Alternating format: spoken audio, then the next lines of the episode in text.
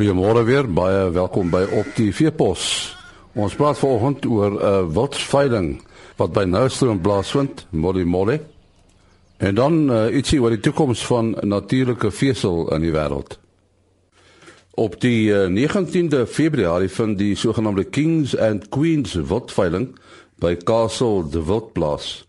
Nou ons praat uh, vanoggend met Tina de Jaar van Valley Venture. Hulle is een van die aanbieders vir die veiling. Uh laat laat ons 'n bietjie hoor uh Tina, uh, hoekom is hierdie veiling so belangrik vir wildboere? Nee nee, ons het uh samekoms gehad laas jaar en besluit om topgenetika vroeg in die jaar vir die wildboere in die mark te sit en uh absoluut seleksie te gaan doen op hoë kwaliteit. So die ou het vroeg in die seisoen 'n topkwaliteit dier wat hy kan koop en wat vir hom sy sy toekoms verseker in die wildbedryf met goeie genetika. En en watter spesies sal mense nou op die wildveiling kan koop? En jy as dit 'n wye spektrum en as dit 'n paar teelers bymekaar gebring om seker te maak ons gee 'n wye genepool en 'n wye seleksie vir hom, uh, goue wille bees suiwels, rounds, uh die rooi gemsbok wat 'n baie rar item in Suid-Afrika is. Die swart terugrooi bok, swart rooi bokke en dan ook die koningswille wees. Is uh baie mooi jong bil wat ons uh, as groep aanbied op die veiling. Nou maar weer die wildpryse het 'n bietjie afgekom. Dink jy daar gaan 'n goeie vraag wees? En nee, die droogte in die ekonomie in die land is 'n kommer. Ek dink pryse gaan normaliseer wat wat goed is vir ons industrie. As die pryse bietjie afkom, is dit bekostigbaar vir meer boere, meer besigheidsmense wat dan weer die vraag opjag in ons industrie. So ek dink is 'n baie gesonde tendens in ons mark. En Tina, wat sou jy sê gaan die hoogtepunt van die veiling wees? Ek reken uh die rooi gemsbokke en dan ook die koningswille beestel. Uh, is daar enige nageslag van bekende wild wat julle sal aanbied? Ja, nee, ons het ons het regtig gegaan en nageslag. Ons het van die Madalla bloedlyn op die suiwels wat uh aangebied gaan word. Tequila Colors, die Bull Audi se colors is op die veiling. Daar is 'n uh, dogter van Tomatello op die veiling en dan op die rounds die gesogte Swallow bloedlyne wat op die veiling is en dan op dan nou uit bloedlyne uit die Piet Warren bloedlyn Tabatollos. So daar is daar's daar's goeie bloed op die veiling. Jy het nou gesê daar gaan 'n taamlike verskeidenheid wees van gene.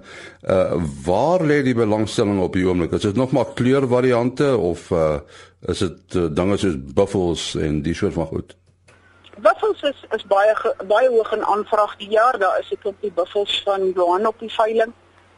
En dan kleurvariante ehm um, as ons weer terug maar by die rooi gemsbok in die in die ehm um, koningswille bees op die kleurvariante en dan is daar op die suiwels en die rounds die ou staatmakers ook goeie navraag.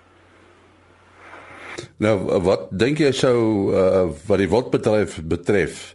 Wat sou die wildbedryf se aktiwiteite dryf? Is dit die kleurvariante of is dit maar die uh, die trofeejag, die die tradisionele trofeejag? Nee, dit is 'n ding wat hand in hand loop. Jy weet ons is afhanklik van die trofeejag. Jy moet 'n ehm um, 'n bron hê waar jy jou diere kan afset. Die ehm um, veiligheid van ons belegging. En dit is 'n ding wat my pa my geleer het. Jy nie met 'n produserende eenheid kan jy nie geld verloor nie. As jy vandag X rand vir 'n dier betaal en die mark val 50% na môre toe, verloor jy nie 50% van jou geld nie. Want daai is 'n produserende koei. So sy kalf in binne 2-3 jaar van vandag af breek jy gelyk met rente in berekening gebring. So dit is so absolute veilige belegging om in wild te investeer. Buiten die plesier om met hulle te boer, is dit nog 'n veilige belegging vir jou ook. So, die wildbedryf met sy diversiteit in terme van spesies, kleur, jou vinnige teelers, jou rooibokke wat vinnig uh, kalf en lam en dan jou buffels wat 'n bietjie langer termyn belegging is. Dit is absoluut hy bied jou alles en hy bied jou sekuriteit en hy is 'n veilige belegging. So die profete wat vir ons sê ons is in 'n bubbel wat gaan bars.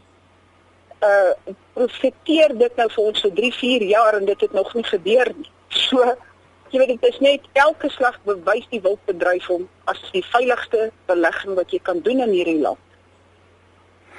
En en daar was nou pogings om wildvleis uh beter te bemark. Hoe vorder dit met hierdie projek? Pas 'n uh, 'n hele paar van ons teelers uh wat baie baie tyd investeer in die in die wildvleismark. Ons as ons ons back and claw seer onder beheer het, is ons uitvoere goed van die van die uh, uh jagspanne wat absoluut uh, daarop in is om te jag en te verpak en uit te voer. Uh, Wian van der Linde hulle is baie sterk besig om die mark in Suid-Afrika te ontwikkel vir wildsvleis. En dit is 'n delikates wat toeneem. Die vraag neem toe na die vleis in uh uh, uh op ons verbruikersmark. Dan sê ons sê baie dankie aan Tina de Jaar. Uh, sy is van Valley Venture en dit uh, het gegaan oor die Kings and Queens wildveiling. Ons uh, gesels met uh, Louis de Beer. Hy is van Cape Wool's en ons gaan met 'n bietjie met hom praat oor die vooruitsigte vir natuurlike vesel. Uh natuurlik die wolboere die glimlag oor uh, die uh, wolprys. Dis maar 'n funksie van die wisselkoers, nê? Nee. Uh ja, nee, dit is 'n funksie van die wisselkoers ehm um, primêr. Maar jy moet ook onthou dit word ondersteun deur 'n deur 'n soliede markvraag na na wol. So dit is nie net enkel en alleen ehm um, wisselkoers nie, nee. En waarom sou jy die die vraag toeskryf? Want uh, die wêreldekonomie is nie baie rooskleurig nie, nê? Maar die, die wêreldekonomie is nie so rooskleurig nie, maar tog ondervind ons 'n stygende vraag na wolbekleedsel en spesifiek uh, die die Amerikaanse mark op hierdie stadium is redelik lewendig en dan selfs in Europa is daar ook goeie vraag. So dit dit uh, werk terug na na goeie vraag uit Italië uit. Ehm um, en dit alles stimuleer stimuleer die uh, die vraag na wol. Wel, dit is die vraag na wol en stimuleer wolproduksie. Nou sou jy sê daar's 'n terugkeer na natuurlike vesel.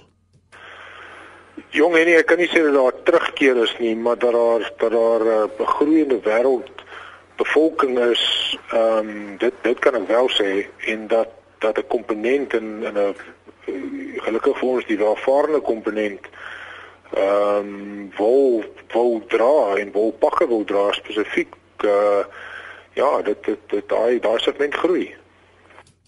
Uh China is nogal 'n wêreldfaktor wat uh, uh vraag en aanbod betref en daar is 'n bietjie van 'n afplatting in China. sien julle dit ook aan die vraag na wol? Uh, het julle wol verkoop aan China?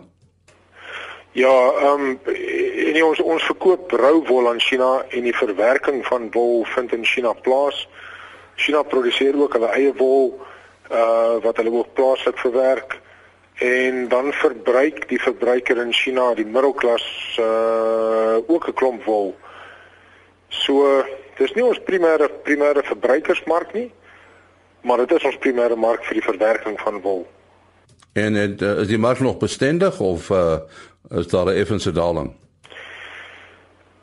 Nee jong, op hierdie stadium van die geveg is die mark nog bestendig. Uh ons het ons het nie afplatting ondervind in die in die Chinese mark nie. Uh dit is nou wel 'n nuwe jaar en alles wat daarmee saamgaan, maar maar die vraag, die vraag is is is goed. Is daar 'n spesifieke wolsoort waar die vraag baie groot voor is? Ja, dis nog 'n moeilike vraag om te antwoord. Weet jy die die, die meeste marine woltipes is natuurlik in hoë aanvraag spesifiek vir bekleedsel. Ehm um, ons het goeie goeie aanvraag gehad vir die sterker wol ook en breiwol het het ook goed vertoon. So ja, ja, daar is definitief segmente wat wat 'n groter oplewing ondervind het as ander, maar oor die algemeen is daar goeie vraag vir al die tipes. En natuurlik hierdie wolprysstygings, dis seker positief vir die ekonomie, ons eie ekonomie, né? Nee. Nee, nee, dis fantastiese nuus. Jy weet veral met veral met ons produsente wat gesukkel het in in die in die in die in die, in die droogte tye ehm um, is dit fantasties vir hulle om 'n ekstra inkomste of 'n goeie inkomste te kan kry uit hulle wolproduksie uit. En uh ja, ons is ons is al spyt dat dit nou wisselkoers geïndiseerd is, ehm um, want dit is nie tot voordeel van almal noodwendig nie, maar ehm um, vir ons wat uitvoerproduk is, ehm um, was dit goeie nuus definitief. Het julle gevind dat daar baie meer uh wolprodusente is gesien in die lig van die die groter vraag na wol, die goeie pryse? Ehm um, nee, ek dink die die effek is nie onmiddellik nie. Nuus vat 'n tydjie om te ekstrapoleer deur die of of of, of om deur die mark te gaan. Ehm um, ek dink die die nuus is uit dat die pryse vir wol uh regtig baie goed is en ons verwag dat ehm um, produsente wat wat dalk in ander vertakkings van lewende hawe is dit ernstig sou oorweeg om om uh, om te skakel na uh, marine wolskaap boerdery toe. En ons hoop ook dat ehm um, dat van die graanboere wat nie noodwendig betrokke was by by wolskaap boerdery dit ook sal oorweeg. Ehm um, dit dit is 'n groot besluit om te neem en dit is nie iets wat oornag gebeur nie. Maar ons is redelik seker dat uh, met die nuus wat uit is dat dat mense dit ernstig sal oorweeg en ons verwag dat daar meer produsente na vore sal kom definitief ja. En as die wisselkoers nou minder gunstig word, dink jy tog dat uh, die die vraag na wol sal bly voortbestaan? Ja, ek is redelik seker dat die dat die internasionale prys, die dollarprys van wol ehm um, goed sal sal bly uh ons verwagting is dat dit oor die toekoms sal styg en weer eens dis wonderlik om om om 'n uitvoerproduk te wees en dis wonderlik om in 'n verswakkende rand te kan voordeel trek daaruit maar dit is nie die alfa en die omega van van ons produk nie. Uh ek dink daar sterker fundamentele is wat ons wat ons produk en ons uh, industrie ondersteun as net wisselkoers. Ons sê dankie aan Louis de Beer van Cape Wools.